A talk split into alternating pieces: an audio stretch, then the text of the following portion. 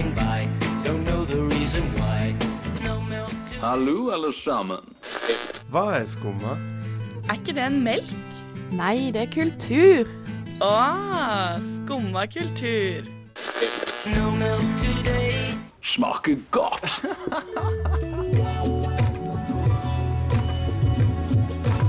Hallo, frøken. Skal vi ta en dans? Hvorfor blir folk med i sekter, og hva er en lead-massasje for noe? Det skal vi diskutere i denne ukens utgave av Skumma kultur. Mitt navn er Samantha Hatten, og jeg har med meg i studio i dag Mari Aasvinne og Joanne Tokker. Ja, og I dag skal vi bl.a. få eh, besøk av Mir Karim, som jobber med Bergen Assembly med utstillinger på Sentralbadet. I tillegg skal vi snakke om våre opplevelser på Kulturnært. Straks skal vi få gjest i studio, men aller først får du høre Annie med Me Plus One.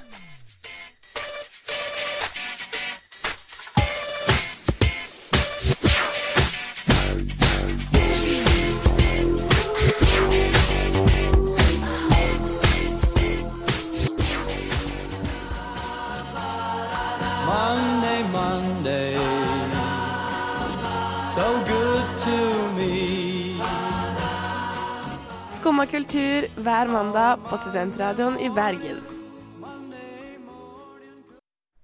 Bergen Assembly arrangeres hver tredje år, og det er en kunstutstilling som holder til ulike steder i Bergen. Og For å snakke om hva som foregår nå på Sentralbadet, er vi så heldige å ha med oss Mir Karim, som jobber med Bergen Assembly. Så velkommen til deg, Mir. Tusen takk, tusen takk. Det er veldig hyggelig å være her. Du eh, har jo studert tegnspråk, og du er utdannet ingeniør. Hvordan ble du involvert i eh, denne utstillinga? Forrige september, altså september i fjor, så ble jeg eh, invitert til et åpent møte eh, med Tariq Atui, da den eh, kunstneriske sjefen og lederen for Sentralbadet. Det som skjer i Sentralbadet. Kunstnerisk direktør heter han vel. Og eh, da presenterte han bare within-delen av Sentralbadet. Nemlig instrumentbyggingene og den jobben han har gjort med utvikling av musikk og eh, lyder. Og eh, i samarbeid med døvemiljøet forskjellige steder. Og i samarbeid med mange forskjellige eh, selskap og grupper og eh, Berkeley Institute og masse forskjellig. Og han presenterte det på en så fin måte at jeg ble veldig interessert i å bli med. Og meldte meg eh, Og meldte min interesse da til Tariq. Og hadde et møte med han, og vi diskuterte hva mine arbeidsoppgaver var. Og fordi det var så vidt spekter, så fant vi egentlig ikke spesifikke arbeidsoppgaver til meg. Fordi jeg sa at jeg var ingeniør, kunne hjelpe med det tekniske, og tegnspråk kunne få kontaktene mine som mine venner i døvemiljøet som jeg kunne spre ordet til, og organisasjonserfaringen min fra Røde Kors tidligere som organisatorisk medarbeider, osv., så, videre, og så, så eh, Så har det vist seg at uh, det er veldig mye å gjøre for meg, da. Jeg har mange arbeidsoppgaver involvert i Sentralbadet, og det har bare vært gøy å være med. Men det er jo to uh, utstillinger. Det er Within, og så er Ja. det Infinite Air. Og du har jobba mest med Within. Riktig, ja. Altså, det som skjer på Sentralbadet, det er todelt. Within, det er den delen som har med instrumentene og konsertene å gjøre, og det samarbeidet som Tariq har hatt i disse årene, kanskje tre-fire år, som han har jobbet med. Alle disse forskjellige institusjonene, eh, og samlet kunnskap om musikk og lyd på en ny måte, og utviklet en del instrumenter i samarbeid med andre folk, det er within-delen. Så det handler egentlig om musikk. Eller soniske opplevelser. Mens ehm, den delen som heter Infinite Ear, er kuratorduoen som heter Council, som har samlet verker for eh, dette, altså Sentralbadet, for Bergen Assembly sin utstilling på Sentralbadet, som har med hørsel og lyd og å tenke på lyd på nye måter og vibrasjoner å gjøre. da. Og det er ekstremt mange utstillingsobjekter. Og det er ikke bare utstillingsobjekt eller verk som er laget. Vi har et bibliotek som er en del av Infinite Air. Vi har en kinosal der det vises filmer som er relatert til tegnspråk, lyd, oppfatning av lyd eh, osv. Så, så det er ganske stort Og hvordan er det å holde det på Sentralbadet? Altså, det, er- det er helt fantastisk lokale. Og, og Sentralbadet ble jo opprinnelig valgt fordi en av grunnene som jeg ser som viktigst, da, er at det, det er en bevisst persons første opplevelse med at lyd endrer seg. At lyd ikke er det samme når man går inn i et basseng. Du går rundt livet ditt og opplever lyd gjennom øret ditt og forholder deg til lyd som alle hørende mennesker forholder seg til lyd. Men første gang du er i en basseng, det er da du opplever når du dupper hodet under vannet, at, at her endrer noe seg. At, at lyd er ikke konstant. Det er ikke én ting alltid. Det er kon konteksten rundt som eh, bestemmer også. Tilfeldig at det ble på Sentralbadet. Nei, nei, nei. Ja. Men vi var ute på eh, gangen her, Ja. så beskrev du deg sjøl som en slags fotsoldat. ja. Eh, kan du forklare litt hva du har gjort i denne utstillinga? Ja, absolutt. Eh, til nå eh, så har jeg vært kontaktperson med døvemiljøet i Bergen. Prøvd å spre ordet i det miljøet og involvere så mange folk som er interessert som mulig. Eh, Pluss jeg har jobbet i ny og ne som tolk. Eh, Selv om jeg ikke er utdannet, ferdig utdannet tolk, så er det veldig vanskelig å få tak i tegnspråktolk på kveldstid. Grunnet hvordan eh, den tolketjenesten er ordnet, og grunnet at arbeidstiden ikke kan gå over så og så mange timer osv. Så, videre. så jeg har sagt at jeg kan stille som tolk i nødvendige situasjoner, og det har dukket opp ofte i øvinger, under møter, under masse ting. Så er jeg også vert på Sentralbadet. Så hvis dere kommer, så er det jeg som tar imot dere og viser dere rundt i utstillingen og eh, både Infinite Air og Within-instrumentene. Og mm, ja, viser rundt folk. Og jeg er ansvarlig også for bookingen av Soundmassage. Hvis dere har sendt mail til meg på soundmassage.bergenassembly.no, så er det mest sannsynlig jeg eller min eh, veldig snille kollega Karoline som har svart dere. Ehm, ja, flere oppgaver. Jeg husker ikke. Det kan hende at det er mye mer. Vaskemann. Jeg har, jeg har vasket Sentralbadet litt, og ja. Mm. Vi får prate mer om soundmassages og hva ellers man kan få med seg på utstillingen straks, men først får vi høre Bratmobil med Some Special.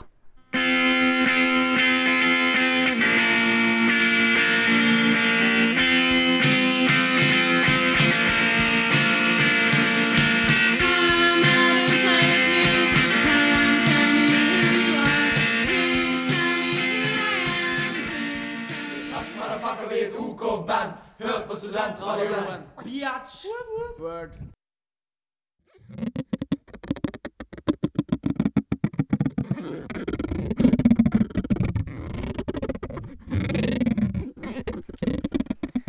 Vad höll? Det er faktisk et utdrag fra en lead-massasje av kunstneren Thierry Madio, og det er en av flere ting du kan få med seg på Sentralbadet nå til oktober i Bergen Assemblies utstilling. Og vi har med oss Mir Karim, som jobber med Bergen Assembly, med oss i studioen. Så ja, det er masse forskjellig som man kan melde seg på for denne den utstillingen. Ja. Forrige helg så hadde vi med oss eh, Pauline Oliveros på besøk. Som eh, du kunne melde deg til Deep Listening Sessions, som det heter. Som da er hennes eh, flagship. Det, det, det er noe som hun brenner veldig for og har utviklet selv, som er et konsept, nærmest meditasjonskonsept, om det å kunne lytte etter lyder som du kanskje vanligvis, vanligvis ikke lyttet etter, eller Ja. Så det er nesten medi meditativt. Eh, som du kunne melde deg til. Og så har vi fortsatt ut hele måneden. Til 1. oktober så har vi sound massage sessions så du kan booke deg inn til. Som var det utdraget som du hørte nå nettopp. Og du har et annet konsept som vi har, eller tredje konsept som vi har, uh, som er med uh, Som heter Lapisin. Og det er med to kunstnere som heter Miriam og Valentina, som har utviklet en slags eh, sonisk terapi én-til-én-session. Og eh, det varer i 90 minutter, og du kan booke deg inn til det ved å sende mail til meg eller Karoline eh, på lepisin.bergenassembly.no. Er det noe eh, du vil anbefale folk å reise på denne veka, eksempel? Ja, det, det er mange ting som skjer, men denne uken så har vi eh, to konserter. En skolekonsert med Gerhard Stibla og Bitt 20 og gjester eh, på fredagen fra 12.30 til 14.30. Og på eh, søndagen så har vi fra 15 til 16.30 eh, også Gerhard Stibla, som er da komponisten, med Bitt 20 og andre gjester. Og det blir to veldig fantastiske konserter, og Gerhard Stibla er en veldig flott komponist som eh, jeg gleder meg til å jeg i hvert fall. Mm, og jeg anbefaler at, book, at folk booker seg inn til så mye sound massage så de bare ønsker å anbefale det til sine venner og familie. Det er en fantastisk opplevelse. Og jeg eh, har veldig lyst til at vi skal fylle opp hele Lapisin-settet vårt eh, med folk som er veldig interessert i det, fordi det er en opplevelse uten like. Så jeg anbefaler folk definitivt å booke seg til Lapisin. Mm. Og i tillegg det er en kafé der man kan bestille lyder også, Ja. sant? Ja, jeg glemte. Der jobber jeg også. Jeg jobber, ba, jeg jobber i kafeen og bak baren. Eh, eh, baren heter White Cat fordi at hver, alle døve katter er automatisk også hvite. Det er en kobling mellom genen som bestemmer fargen på pelsen, og eh, den mutasjonen som skjer, som skaper hørselstap i katter. Eh, og vi har valgt det. Og det er to ting som man kan bestille i baren. Man kan bestille drikker, som man vanligvis kan bestille i hvilken som helst kafé, eh, eller lyder. Og de lydene er Vi har en lydmeny som du kan titte gjennom, som er smekkfull av mange interessante lyder, sånn som to svarte hull som kolliderer, eller eh, min favoritt, pistolreker. Og en flokk med pistolreker som skyter sine klo.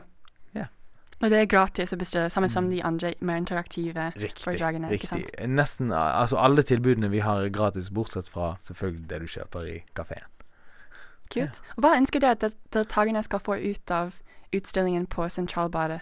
Det er opp til enhver enkelt hva de får ut av eh, hvilken som helst utstilling. Vi bare anbefaler at du kommer og eh, oppfatter det på din egen måte, og forstår det du forstår av utstillingen vår, og vi kommer til å eh, være der og verte så mange som vi kan, og vise rundt så mange som vi kan. Men eh, kunst til syvende og sist er opp til enhver enkelt å forstå. Jeg syns jo også at det har vært veldig informativt. For eksempel den eh, utstillingsguiden som ligger der når du kommer til Sentralbadet. Du Ja. får lærer også veldig mye. Ja, så Ja. flott. Så Revy flott. det er ikke noe som man tenker særlig mye over på, så det er veldig interessant for meg å få en ny vinkling å tenke Mm. på det. Jeg, Mm. jeg fikk med meg en soundmassage uh, nå i helgen, så jeg vil absolutt anbefale det. Ja, ja. Altså, og det er jo takket være Tariq og Council som har laget den eh, boken og eh, innføringen i hver eneste eh, objekt, utstillingsobjekt som ligger, og hver eneste film har sin egen beskrivelse, og alle kunstnerne er kreditert, og du ser hvor kunsten kommer fra, og alt. Sånn at vi har prøvd å få inn en del detaljer, sånn at man får et bakteppe også. Eller ikke meg, da. Jeg er jo ikke med på det. Det er Council som har prøvd det. Og fått det veldig fint til. Hvordan er den, uh, den tegnspråkdelen av utstillingen?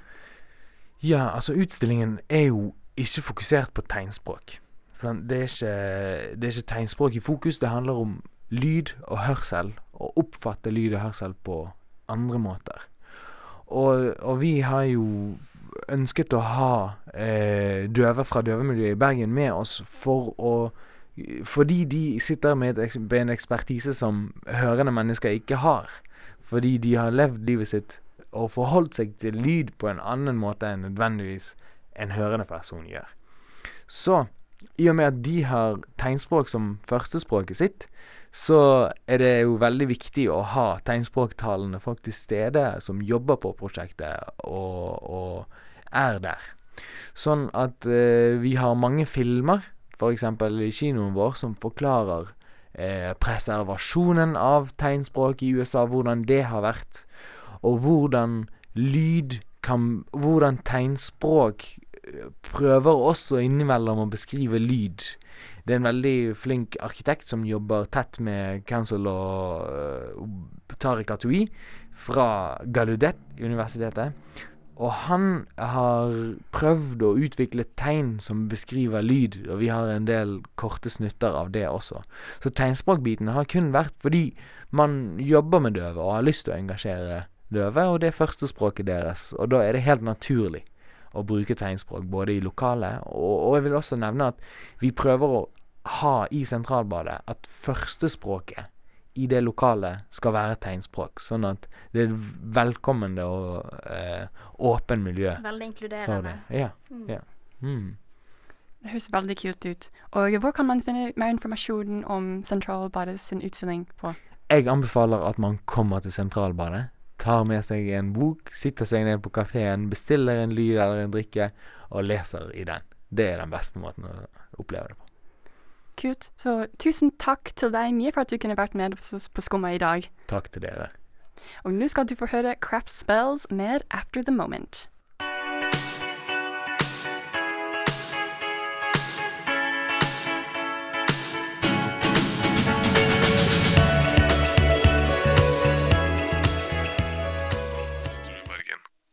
Du hører på Studentradioen i Bergen. Forrige fredag var det kulturnatt, der museer, gallerier og konsertsteder var åpne fra klokken seks til midnatt. Det er en årlig mulighet til å bli kjent med kulturlivet i Bergen, og det er helt gratis. Og Skumma tok turen innom flere steder, så Joanna, hvordan var din kulturnattopplevelse? Uh, det var veldig bra, men jeg fant ut uh, til slutt at jeg hadde stått sinnssykt lenge, så jeg var veldig trøtt. Men um, jeg tror kanskje en av yndlingstingene mine var konserten på Lydrike på Verftet med Ni grader nord. Det, jeg hadde aldri vært på Lydrike før, og de hadde konsert i studio med publikum på hver sin side. Og de var inne i glassrommet innimellom. Det var sinnssykt kult. Jeg hadde, jeg hadde aldri hørt om Lydrike en gang, så jeg var Ikke jeg likte, jeg syntes det var en flott arrangement å kunne få med seg. Og de hadde gratis øl og vin og snacks til og med. Jeg var veldig overrasket over hvor stor budsjetten var til uh, Kulturnatt. Og det virket som at det var gratis drikke flere steder. Ja. Ja. Uh, jeg følte jo uh, Jeg var jo ganske mange ulike steder. Jeg var jo i Rosenkrantztårnet, og jeg var på kode 2, 3 og 4. Og jeg var jo også en tur innom Sentralbadet. Bergen Assembly har utstilling, som jeg har snakka om. Eh, og jeg følte at eh, bare den byvandringen i seg sjøl eh, skapte en følelse av at jeg var på byferie. Som at jeg var turist i egen by. For det hadde noe med Det var det på kvelden, og du fikk liksom virkelig tid til å ta inn over deg alt som er rundt deg, da. Og at Bergen er faktisk en veldig, veldig fin by. Ja, det fikk jeg inntrykk av òg. At kunne få se så mange ulike steder som jeg aldri har kjennskap til før. Det var også det var min første gang på Skrivekunstakademiet. Mm. Vi ser på Thomas Espedals foredrag. Og så gikk vi til Lidrike, Og så gikk vi til en vintagebutikk på Nordnes, Vintage Sisters, som hadde gratis konserter òg. Uh, og så dro vi til uh, Bergen kunsthall og Bergen brannstasjon, som jeg hadde heller aldri vært på. Og de hadde konserter der. Ja. Oi. Jeg var jo Jeg fikk jo med meg eh, Nikolai Astrups eh, utstillinger, som er i Bergen nå. Den har jeg ikke sett før, så det var jeg veldig glad for. jeg fikk Nei, med ikke jeg heller. Vi Og fikk jo med oss gratis. Ja, det er sant. Ja, jeg vet ikke, vi fikk jo med oss en veldig kul utstilling på kode 1. Det, altså, det er jo en som er der hele tiden, da, men jeg har alltid, alltid hatt lyst til å dra på barneutstillingen, så det var veldig, veldig veldig spennende for meg å endelig kunne dra på den. Jeg var ganske skeptisk at du anbefalte det, men jeg liksom OK, vi var der. Ja, Ja. men det var veldig gøy, og det var kjempeinteraktivt. Og de hadde liksom, for eksempel, det var et rom som var helt mørkt, der du liksom, gullet falt ned da du trakk på den. Det var Ja. Og så det var masse hodeskaller inni det mørke rommet, så jeg var litt sånn usikker på hva hensikten med det rommet var. Det var Men var det en utstilling laga av barn, eller for barn? Det For for barn. barn. Så alt, alt var liksom på et lavt nivå. Den har vært der høyde. kjempelenge. Den er alltid der. Men uh, jeg syns det er litt flaut å gå inn liksom til vanlig når det er bare barn. så Og så var det en vegg der du kunne skrive hva er din største drøm. ja. Og den fineste jeg syns det var noen som hadde skrevet 'Jeg vil bli det jeg vil bli'. Det var drømmen. Jeg følte meg at det var ganske også på en måte litt overfladisk, fordi jeg rakk å dra på ni steder den kvelden. men det var kjempe... Og så på en måte gikk jeg forbi biffsnadder på folk og røvere, så kanskje ti på en måte, da.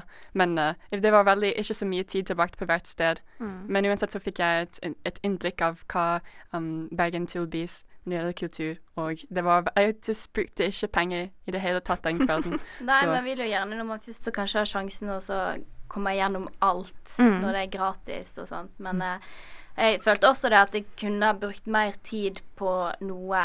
Og, men jeg har jo også fått eh, sett at det er en del ting jeg kunne tenkt meg å reise tilbake til og, og eh, sett på nøyere. Mm. Ja, absolutt. Og det er noe som jeg absolutt kommer til å glede meg til til neste året Mm. igjen. Nå skal du få høre Phoenix med Chloroform.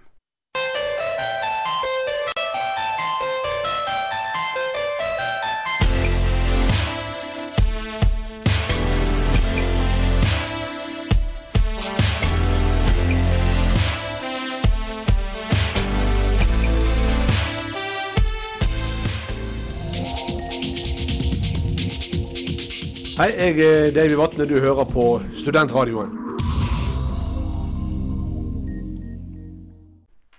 Hvorfor ville noen bli med i en sekt? Og hva lette de etter? Det får du finne ut i den første delen av innslaget Joanna lagde om den utrolige fascinerende fenomenen av sekter.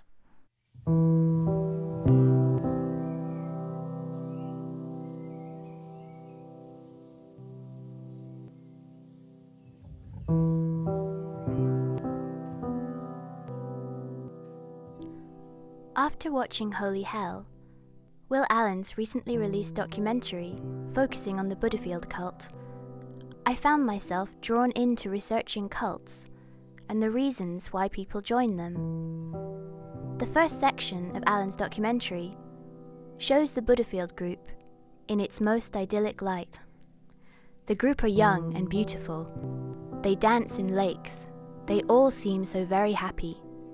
If it weren't for the title, you could be forgiven for thinking Alan's film will show nothing but the good side of this cult. And then it all unravels. The leader, Michel, or Andreas as he later comes to be known, is revealed for what he is a charlatan, a narcissist, a predator, and an abuser. Why do people join cults? Well, for some it seems, they're seeking community, as was the case with Will Allen. Cast out of his own home for being gay, he was looking for family, for love, and for a time he found exactly this with the Buddhafield. For the followers of perhaps one of the most notorious cults, People's Temple, this sense of community was also a huge draw. People's Temple, founded in 1955 by Jim Jones, preached community, racial equality, and harmony. People of all races were welcomed, and for many, it was a place of joy and acceptance. For many followers of the Japanese cult, Am Shinrikyo, the search for the meaning of life led them to Shoko Asahara's group. As one former member, Mitsuhara Inaba, explains in Haruki Murakami's book of interviews, Underground, When I became a member, I didn't have any personal problems or anything. It was just that, no matter where I found myself, I felt like there was a hole inside me, with the wind rushing through. The term cult is a controversial one. American psychologist Herbert Kellman's three definitions of an attitude change in a coercive situation are often used by scholars in connection with cults. These three stages are 1. Compliance. When given an order by someone in a position of power, people may privately disagree but comply publicly or only when the figure of authority is present. 2. Identification. People follow orders because of their admiration of the person in power. They identify with the leader and adopt similar characteristics and behaviors to emulate someone they mm. idolize. 3. Internalization. People follow orders because they conform to their own belief system. They no longer just follow along with the group, but rather they adopt the group's beliefs, opinions, and values as their own. Michelle of the Buddhafield, Jim Jones, Shoko Asahara, and leader of Heaven's Gate, Marshall Applewhite, were all very controlling figures. They policed their followers' lives. Some of them included rules forbidding the members to have sex with one another, or with anyone at all. Contact with friends or family members outside the cult was often discouraged or outright banned. Hugh Fortson Jr., formerly of People's Temple, describes how the constant activity of Jones's group made reflection difficult. Being in an environment where you're constantly up and you're constantly busy, and you're made to feel guilty if you take too many luxuries like sleeping, you tend to not really think for yourself. And I did allow Jones to think for me because I figured that he had the better plan. I gave my rights up to him, as many others did. The members of Jones' cult were discouraged from speaking with one another of serious things. This helped to stop members discussing some of the disturbing aspects of their group. Beatings were frequent. Jones slept with various members of his group, male and female. Not all of these followers were willing participants. Michel of the Buddhafield also abused members of his group, pressuring them repeatedly into sexual acts which he assured them were for their own good. The story of Jim Jones and People's Temple was to end in tragedy. On November 18, 1978, members of People's Temple drank, were forced to drink, or were injected with cyanide laced flavor aid. All 909 died. 276 were children.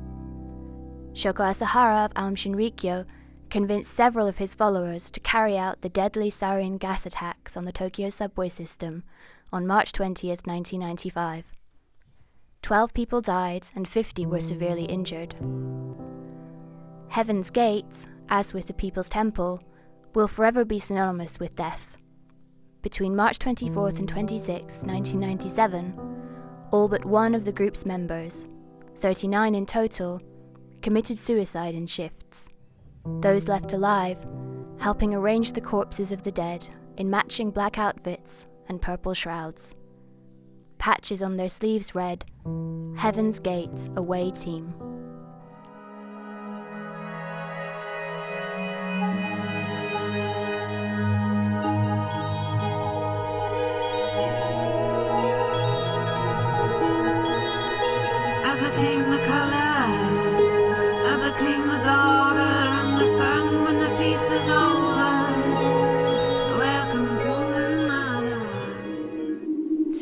Fortsatt på Skummakultur her på Studentradioen i Bergen.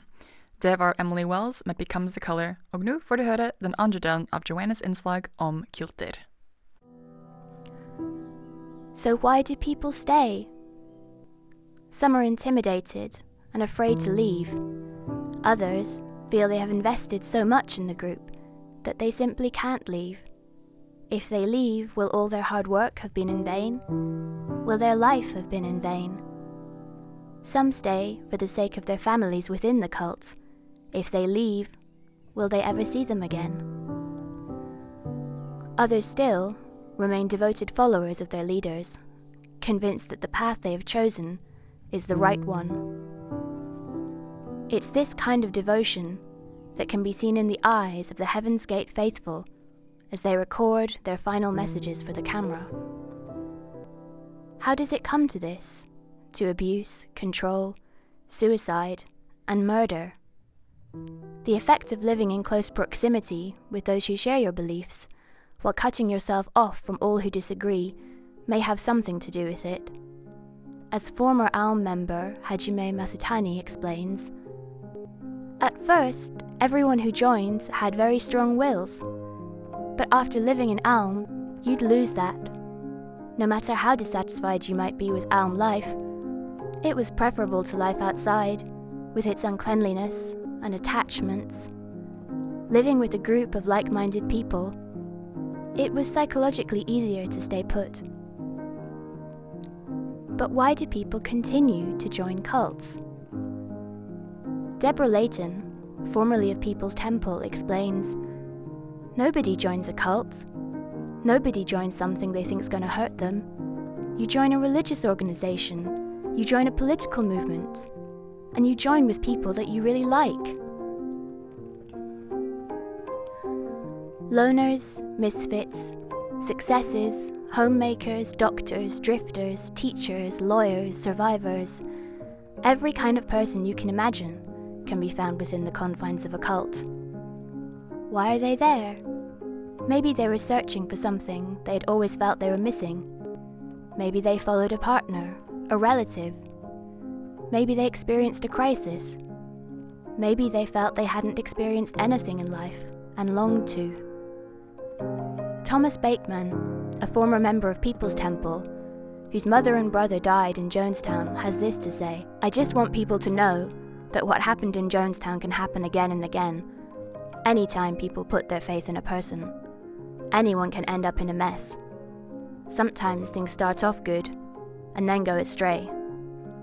A lot of good people died for no reason, just one man's ego and self made paranoia. People will always search for answers. But where will we go looking? And where will we find them? Can you be sure you'd never join a cult? Can anyone ever be sure?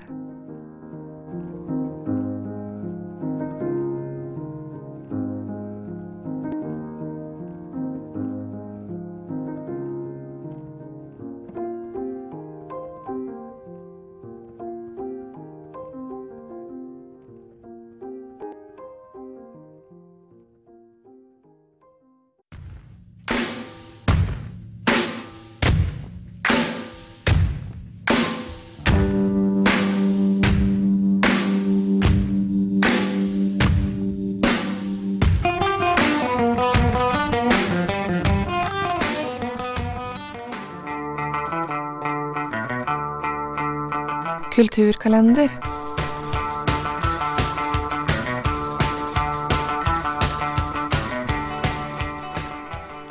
Det var Seven Horse med Methlab Zozo Sticker, og nå har vi kommet til vår fastspalte Kulturkalender. Så hva gleder du deg til denne uken i Bergen, Mari? Jo, jeg gleder meg til eh, et arrangement som heter Til kjernen av verdenslitteraturen. Eh, og det begynner vel nå på tirsdag. Eh, og da skal det handle om russisk litteratur.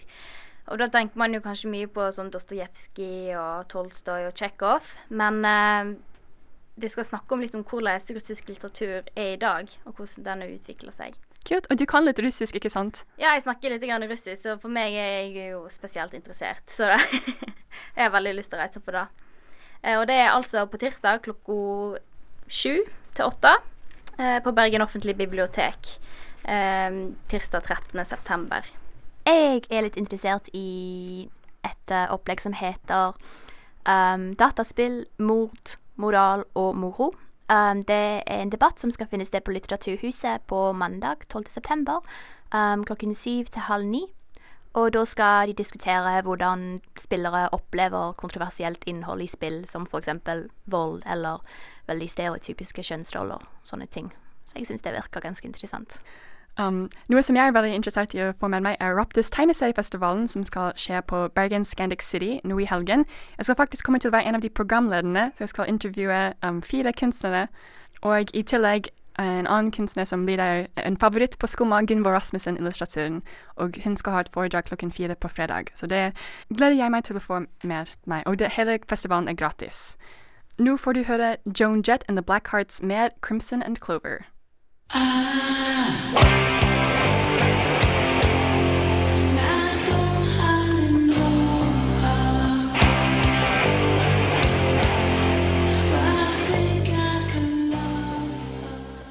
Da har vi kommet til slutten av sendingen. Og vi vil takke Mir Karim som stilte opp eh, som gjest i dag og snakka om eh, utstillinga på Sentralbadet, som han eh, har vært med å jobbe med i samband med Bergen Assembly. Du har også hørt eh, mitt innslag om sekter, og vi har også pratet om vår opplevelse av kulturnatt. I tillegg må vi takke vår produsent Ruth Mari Svendsen Skulbru. Hør på oss neste uke, da vi kommer til å prate med Henning H. Bergsvåg om hans nyeste bok, og Jenny Moore om The Parson Café. Her får The Presno med Forever. Forever